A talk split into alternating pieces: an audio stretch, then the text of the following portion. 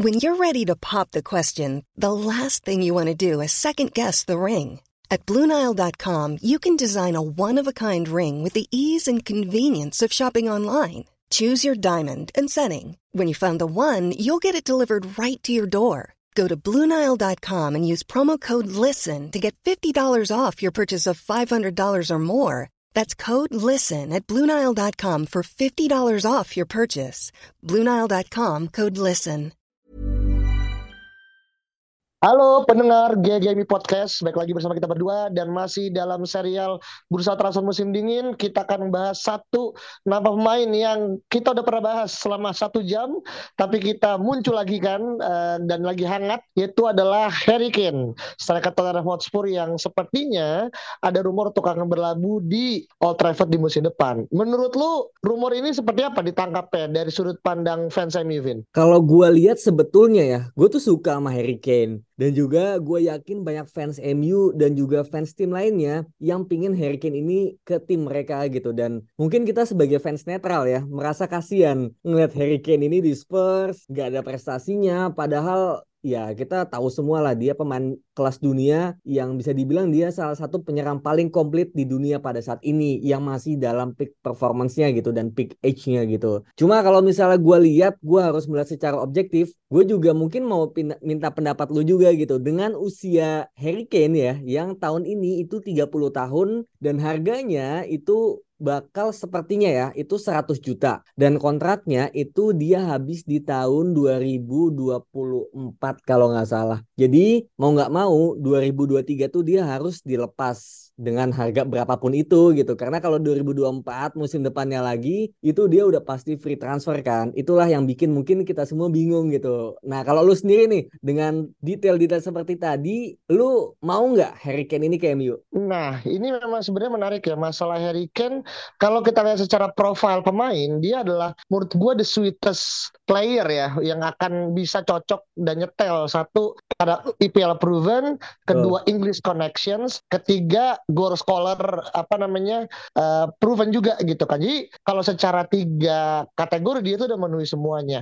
Cuman gini, gue melihat pada konteks di mana Erik Ten Hag sedang membangun squad yang bisa dibilang dari beberapa pembelian terakhir ya, selain daripada Tom Hinton dan juga Erikson yang menurut gue lebih kepada karena blessing in disguise gitu kan. Kita emang sedang mencari pemain yang mungkin bisa dibilang jauh lebih matang secara permainan tapi usia jauh lebih muda gitu. Dan kalau melihat konteks Harry Kane yang sekarang sebenarnya usia 30 di mana sebenarnya tahun 2021 kan dia kan udah mau cabut kan. Ya, ya. Karena Mourinho juga uh, cabut juga gitu. Tapi somehow ketika City saat itu uh, outbeating gitu kan dan kita mungkin punya pendapat kalau mungkin Harry Kane akan ke City tiba-tiba beri perpanjang kontrak gitu kan. 4 tahun uh, sampai dengan 2024 gitu. Dan sekarang gitu. Ini memang salah satu dilematis karena kalau gue lihat ya performa dia musim ini dari 18 kali pertandingan dia mencetak 15 gol. Hmm. Sebenarnya itu kan angka yang tidak mudah untuk ditorekan uh, striker gitu kan di ya, ya. apalagi ya. dengan dia yang tipikal komplit gitu. Bisa sebagai seorang uh, number 9 utuh, bisa juga kena track back ke belakang, bisa juga sebagai team player gitu. Dan kita tahu bagaimana juga asisnya juga kenceng. Jadi menurut gue ini memang nggak cuma untuk fans MU tapi untuk Harry Kane juga. Dia akan berlabuh ke mana? Karena kalau misalnya dia salah langkah gitu dan dia tetap di Tottenham tanpa disrespectful kepada Tottenham ya, menurut gue ini agak berat untuk akhirnya dia bisa mendapatkan apa yang dia cari di ujung karirnya gitu sih, Vin. Iya iya iya. Benar-benar setuju gitu. Satu sisi gue juga melihat bahwa kemarin tuh gue lihat ada pandit yang bilang kalau Harry Kane ini sebenarnya paling cocok sekarang ke MU gitu. Karena kalau misalnya kita lihat mungkin tim-tim lainnya ya tim-tim besar yang mungkin bisa kita coba bedah satu-satu gitu. Misalnya let's say Arsenal. Mereka juga udah punya penyerang di Gabriel Jesus kan. Dan kayaknya kalau beli penyerang lagi pun bukan tipe seperti Kane. Kemudian City udah nggak mungkin ke Arsenal juga karena kan rival. Betul. Benar benar benar. Kemudian Kemudian kalau misalnya Chelsea, Chelsea sebetulnya masih bisa gitu. Cuma kita masih belum tahu lah kalau Chelsea ya. Kita kita menganggap Chelsea ini salah satu pesaing juga gitu. Kalau misalnya City nggak mungkin karena udah ada Halan kan. Kemudian Liverpool nggak mungkin juga udah beli Nunes dan lain-lain gitu. Jadi kalau di Inggris aja sebetulnya tuh kita saingannya cuma Chelsea. Terus, juga kalau ya bisa sih. Cuma Newcastle tuh kan baru beli Alexander Isak ya gitu. Jadi menurut gua untuk momen pada sekarang kayaknya sih nggak akan ke Newcastle anyway sih gitu. Terus hmm. kalau misalnya keluar Inggris sebetulnya mungkin gitu. Cuma Harry Kane juga kalau nggak salah dia bilang dia masih pingin di Inggris kan, dia nggak mau keluar gitu. Jadi PSG itu mungkin, tapi kayaknya unlikely juga karena banyak juga dan PSG juga baru beli penyerang namanya Ekitike kan pemain muda gitu. Jadi kayaknya kalau beli Harry Kane not wise sih gitu. Nah mungkin tim lainnya adalah Bayern dan juga Real Madrid sih. Itu menurut gua dua tim yang sebetulnya mereka sangat butuh seorang penyerang gitu. Cuma masalahnya sekarang balik lagi ke harga. Gue yakin banget Levi ini nggak mungkin kasih harga di bawah 100 itu nggak mungkin banget. Jadi yang bisa membayar itu yang menurut gue cuma Chelsea sama Real Madrid sih. Sama MU mungkin ya kalau misalnya MU akhirnya ikut bidding war. Kalau Bayern kan nggak mungkin ya dia dia sangat strict dengan keuangan. Jadi mungkin dibatasi di angka 50 60 tapi other than that Bayern akan mundur gitu. Jadi Bayern mungkin bisa kita coret. Nah sekarang cuma Real Madrid sama Chelsea gitu. Dan menurut gue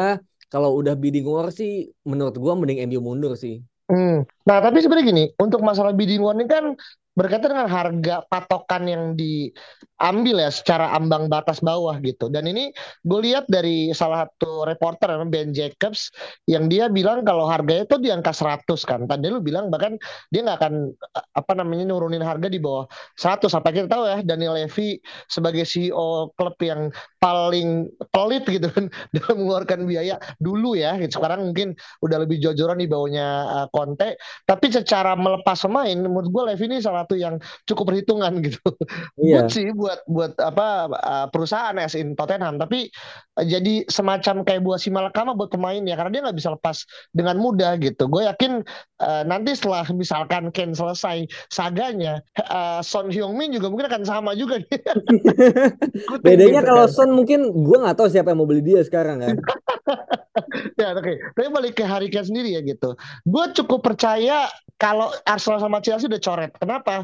Itu udah pasti udah London District. Itu menurut gue hmm. satu hal yang tidak bisa dinego di beberapa uh, tim di uh, di liga luar Indonesia ya. Kalau di Indonesia kita sering lihat perbedaan itu kayak semacam cair, tapi di luar Indonesia, terutama di Inggris agak cukup ketat. Selain memang uh, ada Aubameyang, ada Fit Lewis gitu kan. Tapi asli cool. Tapi gue ngerasa Kane uh, salah tuh, apalagi dia kapten ya. Menurut gue sih agak cenderung akan jadi bumerang sih untuk dia untuk pindah ke klub London gitu. Nah, sama kalau tadi bilang Bayern Munchen itu nggak mungkin, ini sebenarnya berkait apa agak sedikit bertentangan dengan apa yang disampaikan sama Christian Falk gitu, yang bilang kalau Bayern Munchen adalah orang ya, apa Bayern Munchen adalah objek gitu kan yang akan acquiring uh, Harry Kane gitu. Karena ya satu ya terlepas dia punya Mane tapi sepertinya ketika Copa Moting akhirnya nggak perpanjang kontrak, dia perlu profiling striker. Jadi ya, menurut gue sih perpindahan dia ke Munchen bisa menjadi another another Jadon Sancho ya meskipun usianya udah jauh beda gitu sih. Nah lu kira-kira dengan melihat skuad MU sekarang segala kebutuhan akhirnya punya gitu kan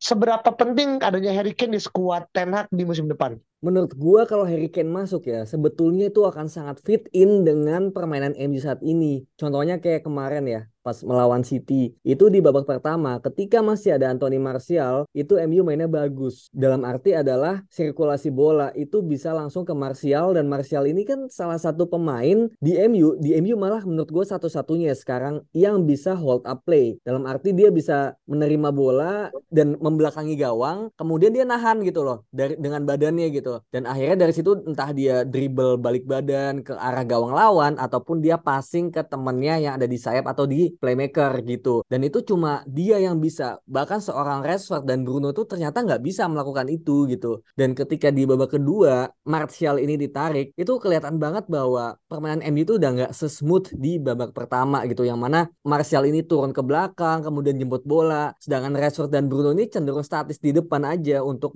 uh, apa ya kayak mungkin menerima bola tapi di posisi striker gitu. Jadi dan kita juga tahu bahwa Martial ini adalah salah satu pemain yang profilnya itu sangat sangat dikagumi sama Ten Hag. Bagaimana movementnya dia, kemudian keterlibatan dalam permainan. Ini menunjukkan bahwa seperti Martial ini tuh sangat dibutuhkan Dan itu semua ada di Harry Kane. Lebih lengkap lagi dari Martial. Nggak cuma hold up play, tapi dia juga bisa bikin assist, bisa bikin umpan, dan gol threatnya juga sangat jauh di atas Martial gitu. Dan dari segi fitness pun juga jauh di atas Martial. Itu menjadi satu hal yang menurut gue, ini tuh kalau misalnya Kane datang, ini tuh masalah depan kita hampir dibilang selesai gitu. Karena mungkin selama dua atau tiga musim kita aman. Cuma kalau misalnya kita bicara masa depan, mungkin di tahun keempat, tahun kelima, nilainya pun juga udah menurun gitu. Dan sebetulnya kalau misalnya bicara harga dan masalah apa ya, declining, kita juga mungkin bisa berdebat masalah Casemiro. Ya nggak sih? Kayak ya. Casemiro kan juga udah 30 tahun dan kita tebus 70 juta. Tapi kayak ya udah kita enjoying the moment bagaimana sekarang dia bermain bagus kan tanpa kita mikir ya udahlah nanti tahun kelima dia tuh kita jual ke mana ya? Kita nggak mikir ke situ dulu gitu loh. Gue juga nggak tahu apa yang dipikirkan board ya sampai beli 70 juta mungkin saking desperate yang nggak ada gelandang lagi gitu sampai akhirnya ya udahlah Casemiro aja yang opsinya mungkin udah tua gitu dan gue nggak tahu apakah lo melihat bahwa kalau Casemiro bisa di trade di treat seperti itu apakah Harry Kane juga bisa di treat dengan hal yang sama? Kalau menurut gue emang ini menjadi satu hal yang quote unquote double standard ya. Kenapa? Karena momen Casemiro pindah ke MU itu satu karena urgensi yang bener-bener benar sangat dibutuhkan saat itu ya. Apalagi ketika momen Brentford kita kalah sampai kejebolan 4 gol. Yeah, menurut yeah. gue sih memang kalau board nggak ngelakuin making action itu udah bener-bener akan jadi musim ini akan udah selesai dari awal gitu. Itu satu. Hmm. yang kedua sebenarnya Ken ini kan datang eh, ketika memang kita dikaitkan tuh adalah di musim depan di mana masih ada sisa waktu enam bulan dari sekarang gitu. Yang mana menurut gue kan ini juga nggak bisa kita uh, apa namanya kita hindari dari adanya rumor yang akhirnya sirkulasi nggak cuma Harry Kane gitu. Nah ini kan jadi salah satu uh, apa ya faktor penarik lainnya gitu. Karena kalau dulu tahun 2021 uh, kita mungkin hampir ngelakuin uh, bidding war kalau memang jadi ya dengan City karena saat itu mungkin secara apa namanya uh, jumlah pemain yang ada dan mungkin tersedia dan segala macam mungkin terbatas tapi gitu kan dengan sekarang market yang lebih terbuka dan kita punya banyak opsi ya uh, iya, iya. secara pemain maka menurut gua tidak bisa secara secara apple to apple kita akan sama. Ditambah memang kalau menggunakan konsep Casemiro gitu kan, gue ngerasa secara posisi ya, menurut gue gelandang ataupun main belakang itu secara usia masih bisa sedikit lebih tinggi sellingnya ketimbang selling itu bukan nilai jual tapi selling uh, apa namanya permainan ya hmm. itu dibandingkan striker karena beban yang diemban akan jauh lebih berat dibandingkan apa yang akan dipikul sama dua itu kita lihat bagaimana Cross dan juga Modric di usia 35 35 36 dia akhirnya masih bisa untuk fit dan gue ngerasa Casemiro bisa mencapai level tersebut gitu tapi untuk masalah striker gitu kan selain daripada Lewandowski ya yang yeah, akhirnya yeah. masih bisa fit in gue nggak ngelihat banyak yang akhirnya bisa tetap uh, masuk ke usia yang sangat fit. Termasuk Harry Kane juga bisa ngikutin. Tapi gamblingnya akan sangat tinggi gitu. Karena baik lagi gitu kan. Dia ditempa di squad yang menurut gua agak kurang menguntungkan ya di Tottenham gitu. Dan memang satu hal yang positif dia akan selalu haus akan gelar. Itu yang didapatkan. Ya, ya. Tapi di luar daripada itu gua ngerasa opsinya nggak akan sempit ketika sama Casemiro sih bro. Hmm, iya sih, betul juga. Mungkin juga karena masalah apa ya, selain tadi lu bilang posisi ya, benar juga gitu. Dan juga masalah harga juga gitu. Casemiro kan 70. Nah, saya pertanyaan gue nih, kalau misal Harry Kane harganya 70 atau 75 juta di usia sekarang gitu, lu masih mau ambil nggak? Nah, ini sebenarnya uh, memang pertanyaan kayak ini kan nggak bisa berdiri parsial ya. ya Pasti kan kita lihat secara overview gitu kan. Ditambah dengan akhirnya MU akan rencananya ya punya owner baru ya yang katanya apa santan dari Qatar lah, dari Timur Tengah lah gitu kan. Yang mana mungkin akan mendapatkan banjiran uh, dana gitu. Menurut gua kalau misalkan kita berada di angka 70 dengan asumsi terbaik gitu kan. Menurut gua gua akan tetap skip. Kenapa hmm. gitu kan? Memang mungkin ada biasanya dan mungkin teman-teman yang mendengarkan tahu kalau gue pribadi dan mungkin Saung juga gue ngerasa ke keberpihakan kita pada sosok yang satu ini gitu yang akan kita bahas eh, di episode berikutnya akan menjadi salah satu faktor pemberat untuk gue ngerasa Tenak bisa mendapatkan uh, porsi yang sama di usia yang lebih muda gitu. Hmm. Jadi menurut gue Ken di angka 70 dan satu lagi terakhir kali kita deal dengan Levi itu ketika kedatangan Michael Carrick gitu. Dan kita tahu betapa rewardnya gitu. Apa? Berbatov. Oh iya sorry Berbatov juga gitu kan.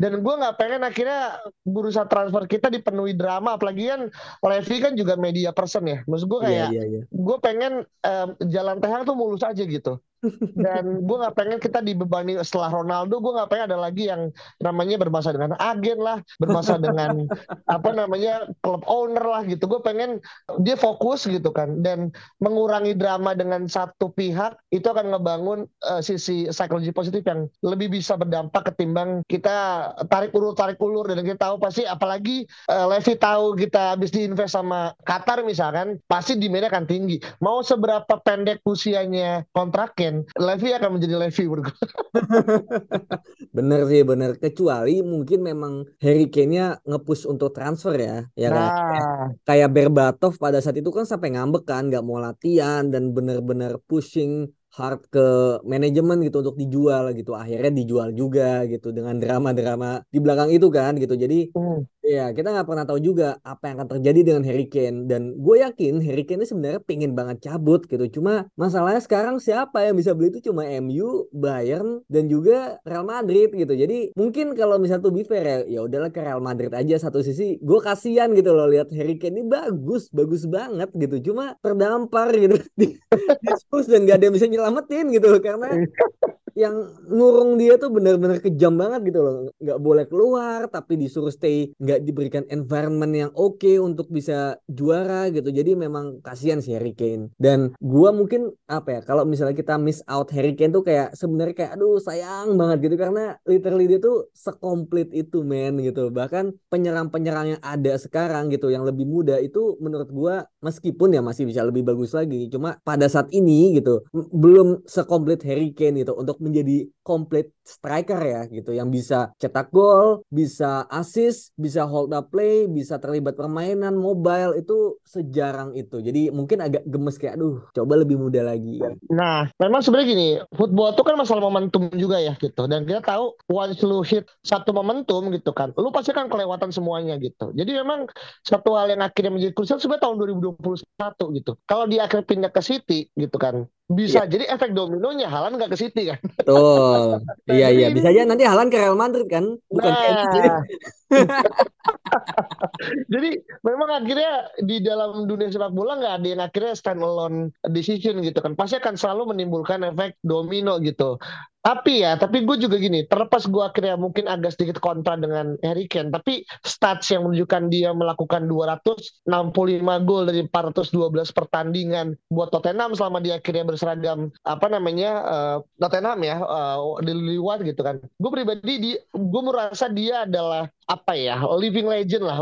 Terlepas mungkin dia akan cabut ya tapi gue ngerasa fans Tottenham akan ngebuat dia sebagai salah satu pahlawan karena loyalitas yang kedua konsistensi. Karena nggak nggak mudah untuk akhirnya bisa konsisten sepanjang lima enam musim gitu kan. Dan menurut gue konsisten kan, untuk tetap di tim yang bapuk gitu kan maksudnya. Iya itu menurut gue itu bukan bukan suatu hal yang murah. Selain memang mungkin dia dipagari dengan harga yang tinggi plus gaji yang besar ya gitu tapi menurut gue sih untuk pemain sepak bola pasti ada beberapa hal yang apa namanya uh, cukup perlu untuk didapatkan termasuk gelar. Apalagi di negaranya pun Inggris gitu dia juga nggak dapat apa-apa juga. Yeah. jadi memang akhirnya kalau dia memang harus retire di tim yang memang tidak membuatkan dia meraih gelar apa pun ini akan jadi wasted talent banget sih. Nggak cuma di Inggris tapi di di sejarah sepak bola dunia.